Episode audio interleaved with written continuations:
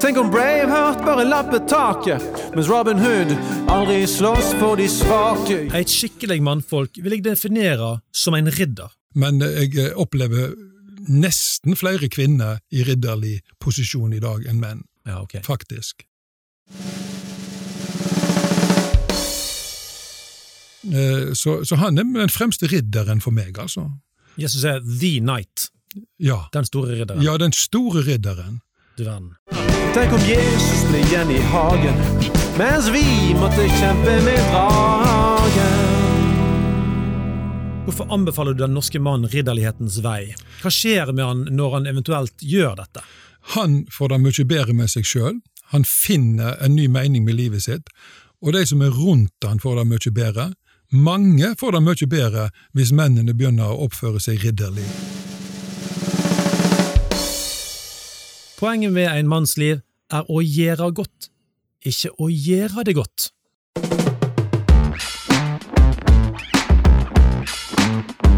Du hører Mannspodden, jakten på mannsidentitet. Bli med Andreas Skjelde og Einar Helgaas på din vei mot autentisk maskulinitet.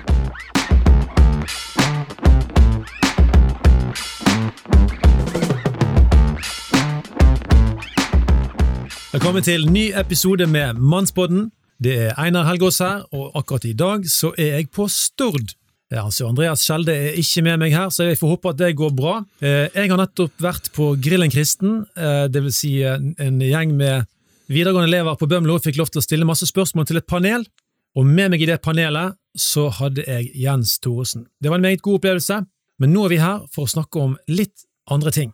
Og Jens Thoresen, du må få lov til å begynne med å presentere deg sjøl litt, sånn at eh, lytterne kan vite hvem du er. Ja, mitt navn er altså Jens Thoresen, begynner å bli en eldre mann på 66 år og har levd en god stund. Har jobba i norsk skole siden 1980 omtrent, og har parallelt vært pastor i Kristkirka på Stord siden 1991.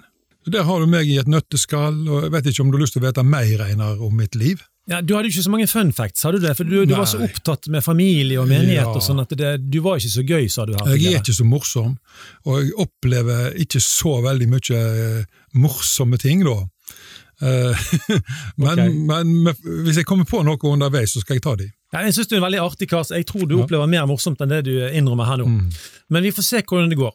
Og det er jo sånn med denne poden her at eh, et av våre hovedspørsmål, det skal du få nå, og, og det er nemlig hvordan syns du det går med den norske mannen? Oi. Ja, eh, som du, som du vet, så har jeg jo skrevet en gang i tida en uh, avisartikkel om, uh, um, om, manndom. Mm. Og, og jeg kalte vel denne artikkelen for eh, en, en religion for skikkelig mannfolk. Det var i, i, 1917, nei, i 1917, sier jeg. Det var for fire år siden. For fire år siden, la oss si 2017 da, Ja. så skrev jeg en artikkel der, og den ble jo eh, ganske mye omtalt og kommentert. Eh, men eh, skal jeg si noe om hvordan det står til med den norske mannen, så håper jeg han, han har det bra, men kanskje han trenger å korrigere en del av verdiene sine, sånn generelt sett. Du, Da tar jeg like godt og leser litt fra denne artikkelen som du skrev. Her står det faktisk Dagens menn er en forvirra rase som driver med så mange rare ting. De dyrker hobbyer, klatrer i fjell, kjører rallycross, spiller sjakk, data og golf, springer maraton, sykler mil etter mil, dag etter dag, går i treningsstudio og presser seg til det ytterste for å skaffe seg nye rekorder, i det minste personlige. For all del, det er ikke gale å leike, men når leiken blir sjølve livet, da blir det alvorlig feil, ja patetisk og barnslig. Ved å realisere seg sjøl i hobbyer og fritidsaktiviteter, går dagens menn lett glipp av hele poenget, og hør nå, folkens.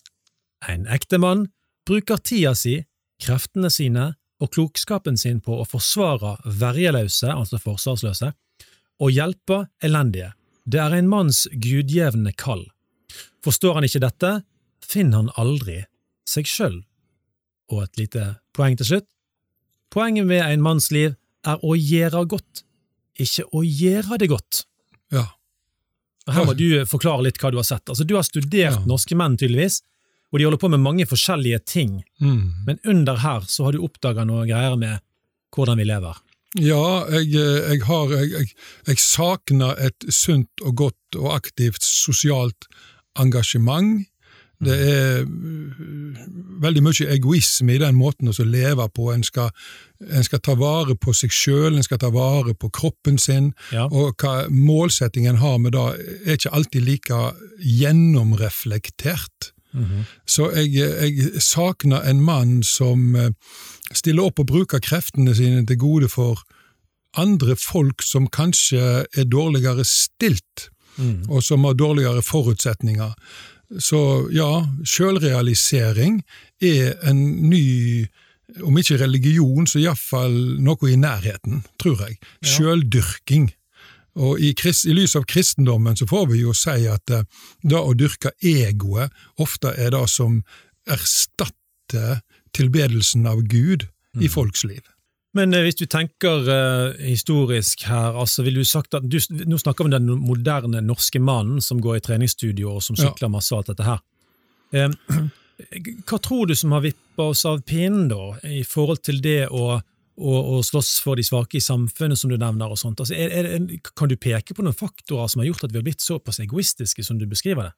Nei, da vet jeg ikke om jeg klarer å peke på. Jeg tror ofte at eh, det er spesielle institusjoner som er toneangivende for mentaliteten både hos kvinner og menn, hva som er viktig her i livet.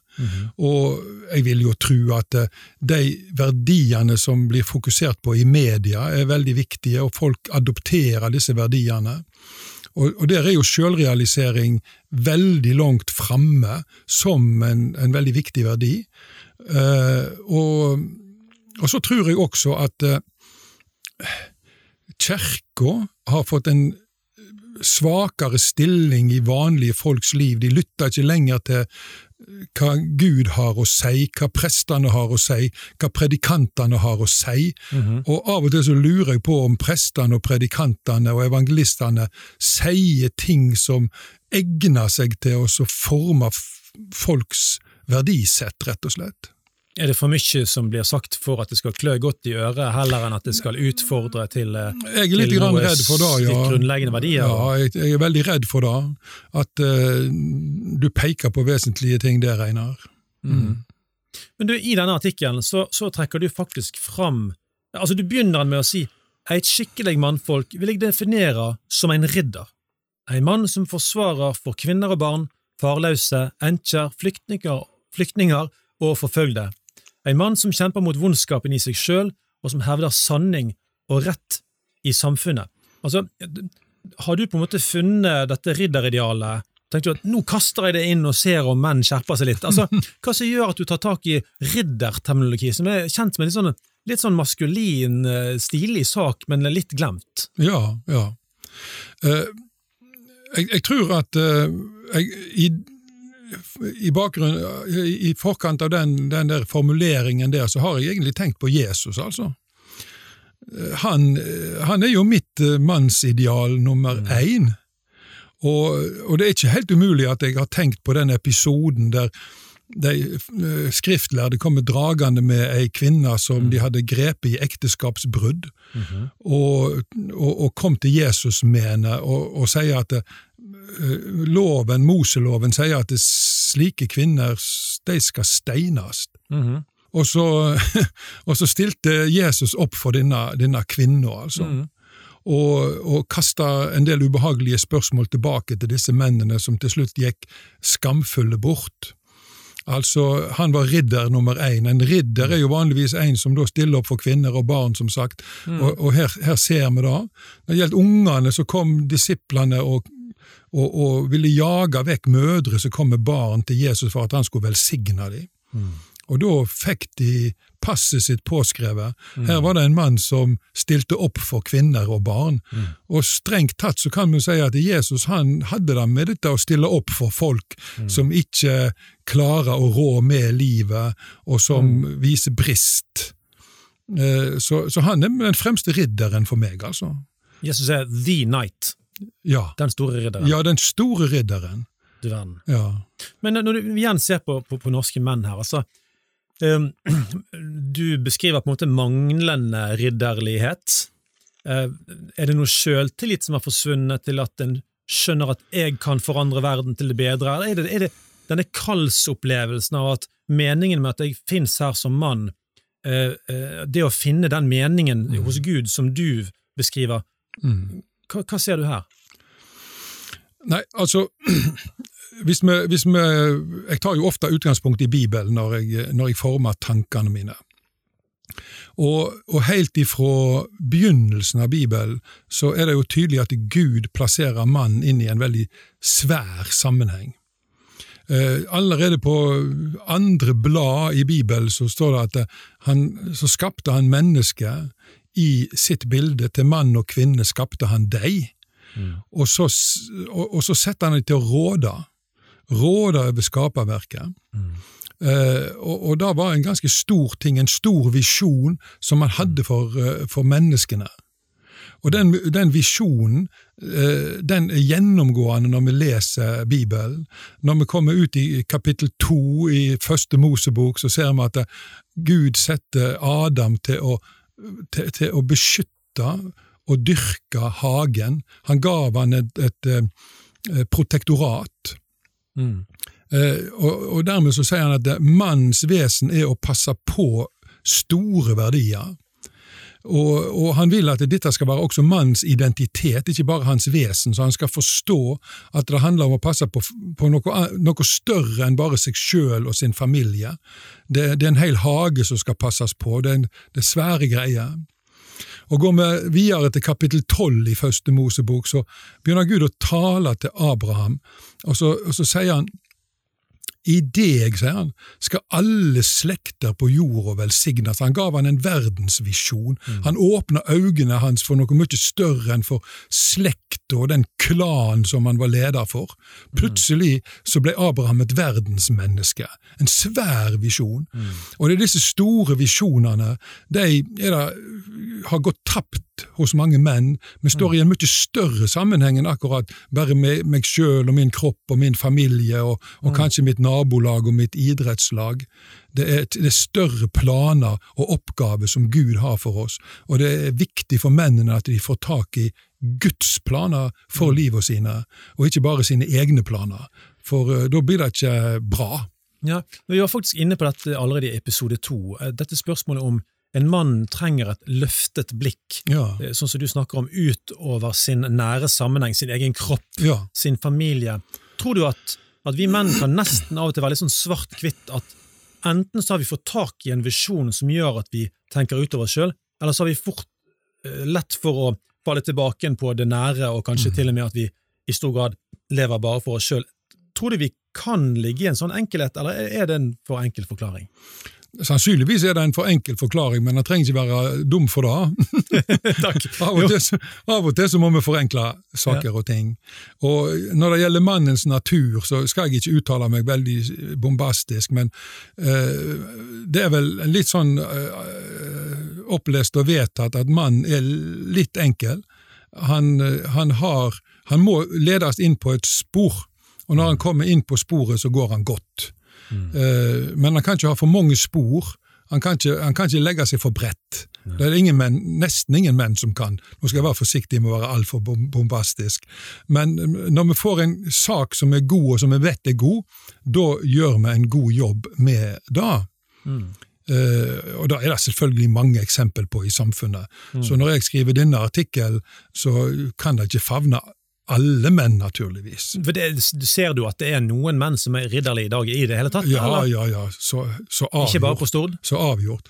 Men eh, jeg eh, opplever nesten flere kvinner i ridderlig posisjon i dag enn menn, Ja, ok. faktisk. Snakker vi om ledelse, eller hva slags type virksomhet er det de Dette å ta ansvar for mennesker som ikke kan ta ansvar for seg sjøl. Ja. Jeg tenker bare på den der organisasjonen som heter Dråpen i havet, som eh, har satsa på å bety noe for eh, båtflyktningene som har havna på Lef Lesvos, er det vel det heter nå for tida?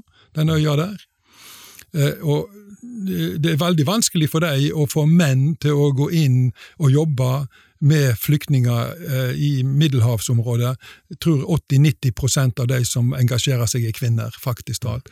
Og det er en sørgelig affære at kvinnene skal overta mannens rolle i dette å beskytte folk mot urett og lidelse og nød. For da mener du mannen ikke er helt der han er skapt til å være? Yes. Hans hensikt er, ligger der. Der ligger hans hensikt. Og når du definerer en ridder, har vi sagt det allerede, eller er det noe mer du vil si om hva en ridder er? Nei, eh, jeg tror ikke det er mer å si om det, for ridderen var jo i, eh, i opphavet en person som, som eh, hadde tre ting som han ville eh, gjøre. Han eh, ville forherlige Gud, han skulle beskytte kvinner og barn mot overgrep. Og, og, og det går jo rett inn i mitt kristne mannsideal.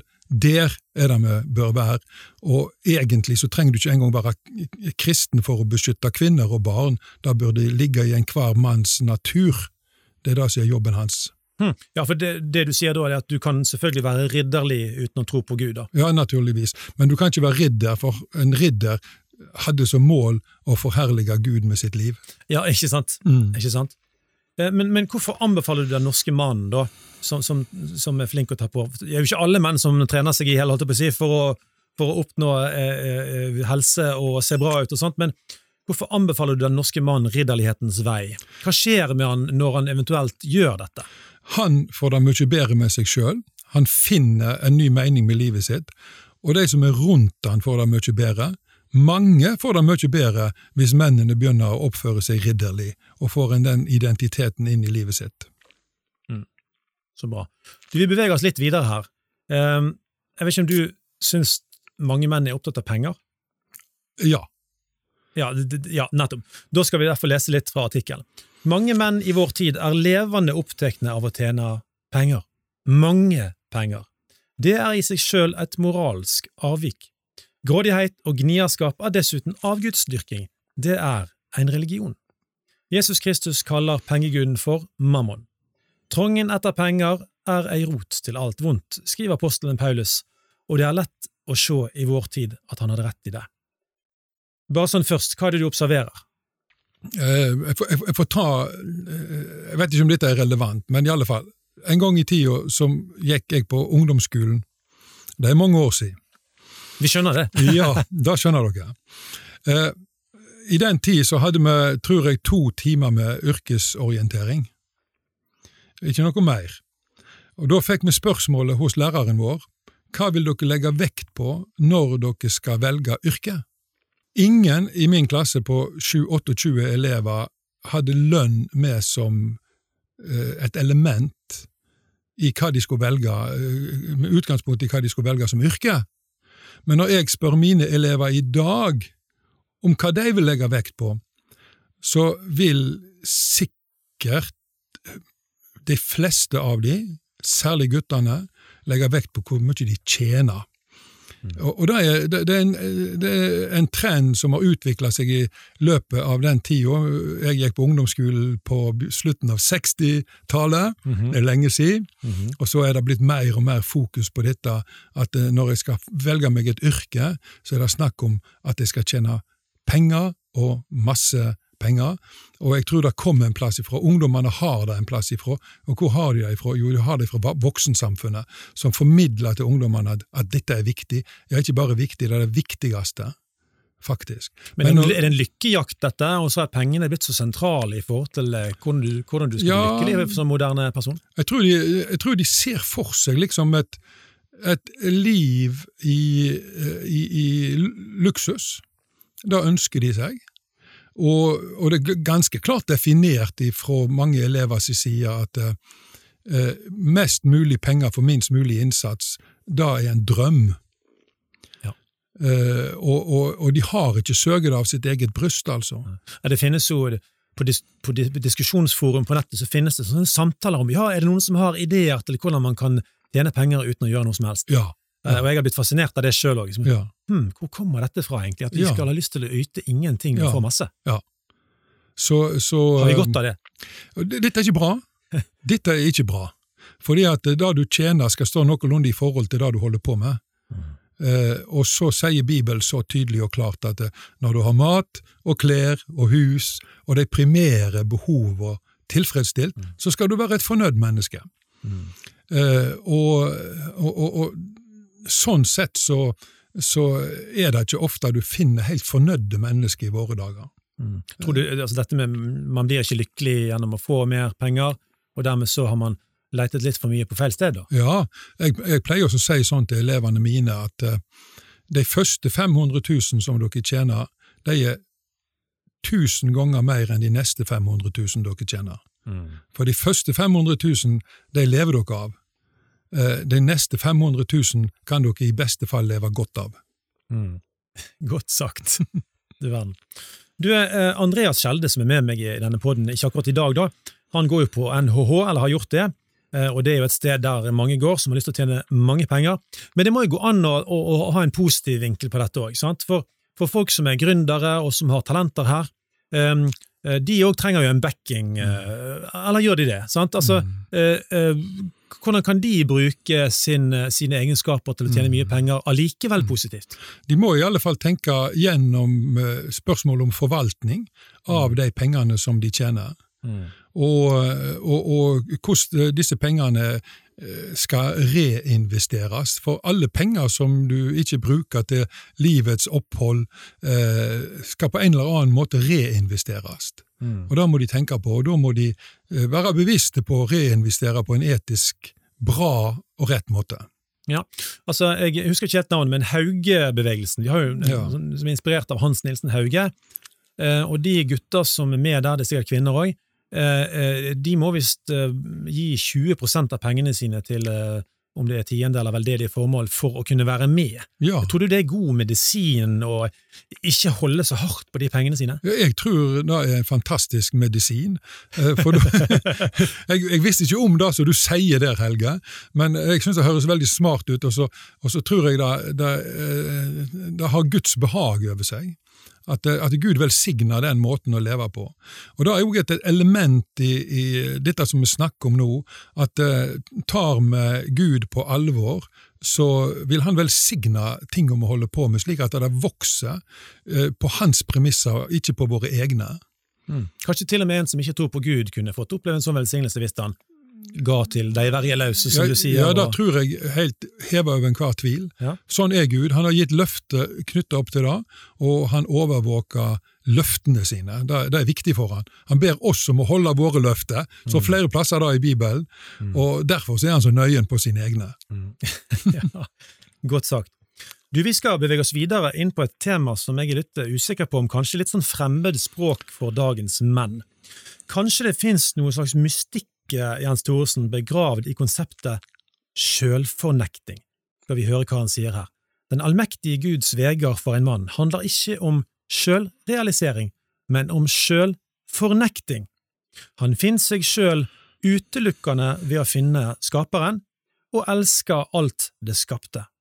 Den som elsker penger, styrer livet sitt i avgrunnen. Nå har vi snakket litt om penger, men dette med sjølfornekting, jeg tror dette er såpass fremmed at du faktisk må forklare det for oss. Ja, det, det, faktum er at en av mine kollegaer hadde også merka seg dette begrepet sjølfornekting. Det var et helt nytt begrep for vedkommende. Til og med for en lærer. Ja, eh, merkelig nok. Men, eh, men sånn, sånn var det altså. Han syntes det var veldig rart. Hvordan i all verden kunne mene at sjølfornekting var en god ting? Men mitt utgangspunkt er jo selvfølgelig igjen Kristus. Eh, han, eh, han fornekta seg sjøl, leser vi en plass i Filippabrevet, og, og, og han, han forlot Guds himmel og kom til jorda, og audmjuka seg og fornekta seg sjøl, og, og, og ble lydig inntil døden. Nå er vi langt inne i det bibelske her, men det får våge seg. Du som lytter får bare være litt tålmodig med meg akkurat nå. Så eh, inntil døden, ja, døden på korset for å frelse oss mennesker. Og Jesus sier til disiplene sine i forbindelse med at eh, han, han, han sier til dem at jeg skal opp til Jerusalem og jeg skal lide og dø. Og så sier Peter nei, dette kan ikke stemme, for store menn skal ikke gi tapt var kanskje hans måte å tenke på. Og så sier Jesus til disiplene sine at det er den av dere som ikke fornekter seg sjøl og tar korset sitt opp og følger meg, er meg ikke verdt. Og den som vil vinne livet sitt her i verden, kommer til å tape det, men den som taper livet sitt for min skyld, han kommer til å vinne det. Og Dette er jo underlig tale i vår tid, men dette er Guds vei til suksess. Det er å fornekte sine egne interesser til fordel for Guds interesse, og til fordel for sin nestes interesse. Det er ikke noe lett vei å gå, det er en korsvei. Eh, Jesus sier det sjøl, at det er å ta opp korset sitt, men når han har sagt det, så gjør vi det. Vi skal ikke lytte til så mange andre. Ja, og du har jo allerede gitt en del eksempler på sjølfornekting. Altså Hvis du jobber for eh, flyktninger, eh, Mm. hvis du jobber for eh, fattige mennesker som finnes i, i, i eh, lokalsamfunnet, da har du fornekta deg sjøl for å løfte de svake opp, ikke Ja, sant? ja. Så det har vi eksempler på. Men du har jo sjøl forbilder på selvfornekting, ikke bare Jesus. Mm. Eh, Det var en, eh, en polsk munk Ja. en gang, som jeg tror du kan fortelle litt om som et eksempel. ja. Eh, Maximilian Kolbe.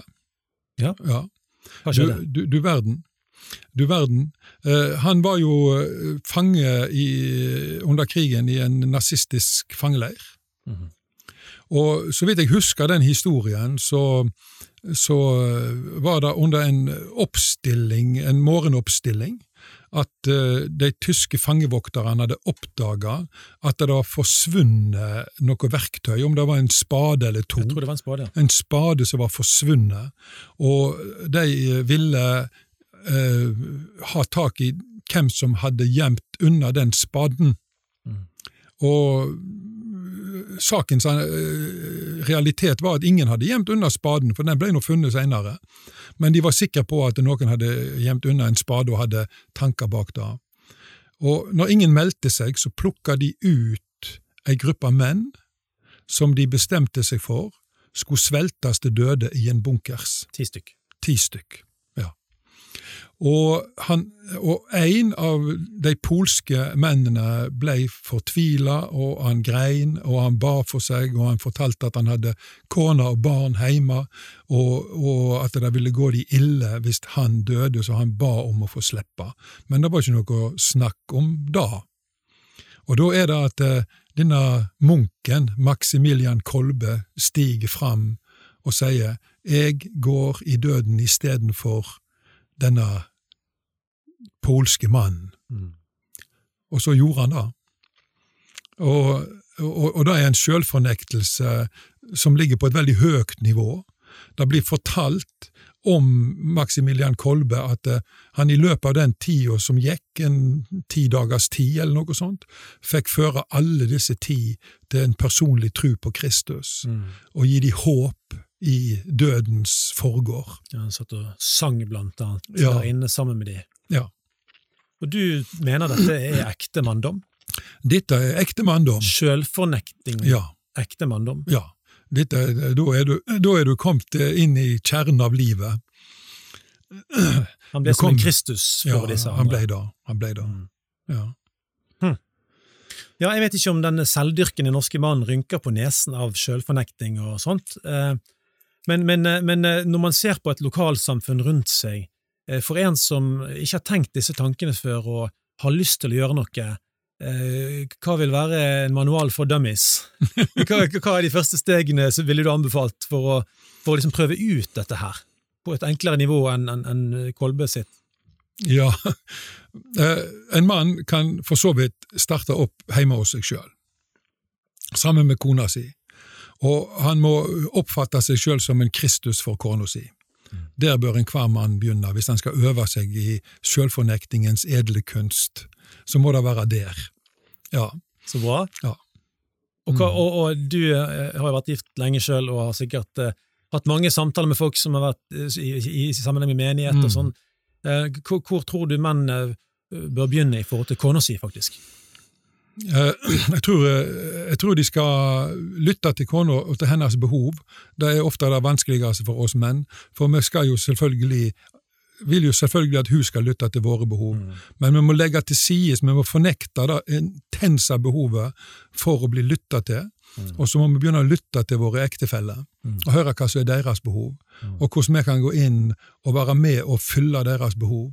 Mm. Og ifra Guds side så er det et mye større ansvar en mann har til å fylle kona sine behov enn omvendt, Mm. faktisk. Mm. Jeg forholder meg til, til Bibels ord, og, og, og, og det er en god rettesnor for meg, og jeg tror det egentlig er det for, for alle sammen. Så eh, Gud har jo, og nå får vi trekke litt mer i salaten, definert mannen som leder for ekteskapet, og lederskap i bibelsk sammenheng er noe helt annet enn det som det er i næringslivet og i politikken. Greit å skille der, sikkert. Det, det tror jeg er veldig, veldig nyttig. For vi kan ikke bruke lederskapsteorier til å være sånne voldsomme, iallfall ikke noe som ligner på hustyranner og, og slike ting. Vi skal være tjenende lederskap. Mm. Vi skal vise vei, men vi skal være lyttende, og vi skal vise vei i kjærlighet. Og så Da er ikke det farlig for kvinnen om mannen anser seg, eller, eller bare er en leder fordi han er en tjenende leder. Han vil bli satt utrolig stor pris på av kona si. Det, ja. det vil bli vinn-vinn på alle fronter. Du verden. Jeg tror du snakker ut fra erfaring og, og, Ja. og fra kanskje ditt eget og andres liv. Ja, så, så definitivt, altså. For jeg er ikke så veldig mye annerledes enn norske menn, jeg heller. Selv om Nei. jeg har skrevet dette som jeg har skrevet, og tenkt det jeg har tenkt, så må jeg eh, kjempe noen slag Ja. i mitt eget sinn, jeg også.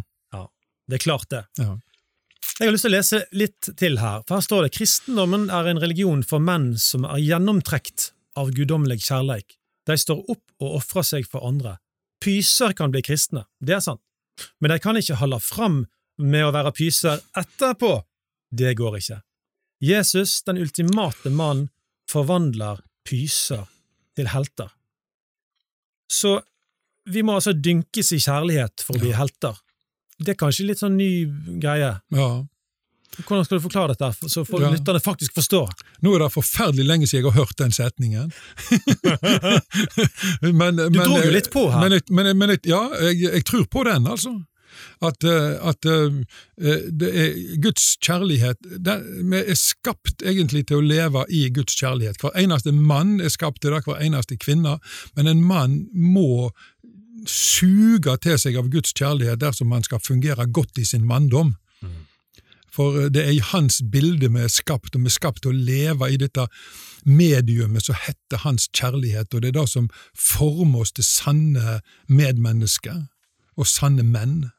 Og menn som elsker, kan bli helter, men det blir en annen type helt enn det vi gjerne ser i en del type filmer så videre. Ja, Det er en mange- selvfornektende helt Ja. som tjener sin kone, tjener samfunnet. Eh, en, en, en helt er jo ofte en som drar ut i krig og kjemper med våpen, og, og i våre dager er det mange andre rare typer som også blir helter, for uh, vi, vi ser jo ofte at det skurker kan bli helter i våre dager, og det er jo uh, en, med vemod vi ser. Ja.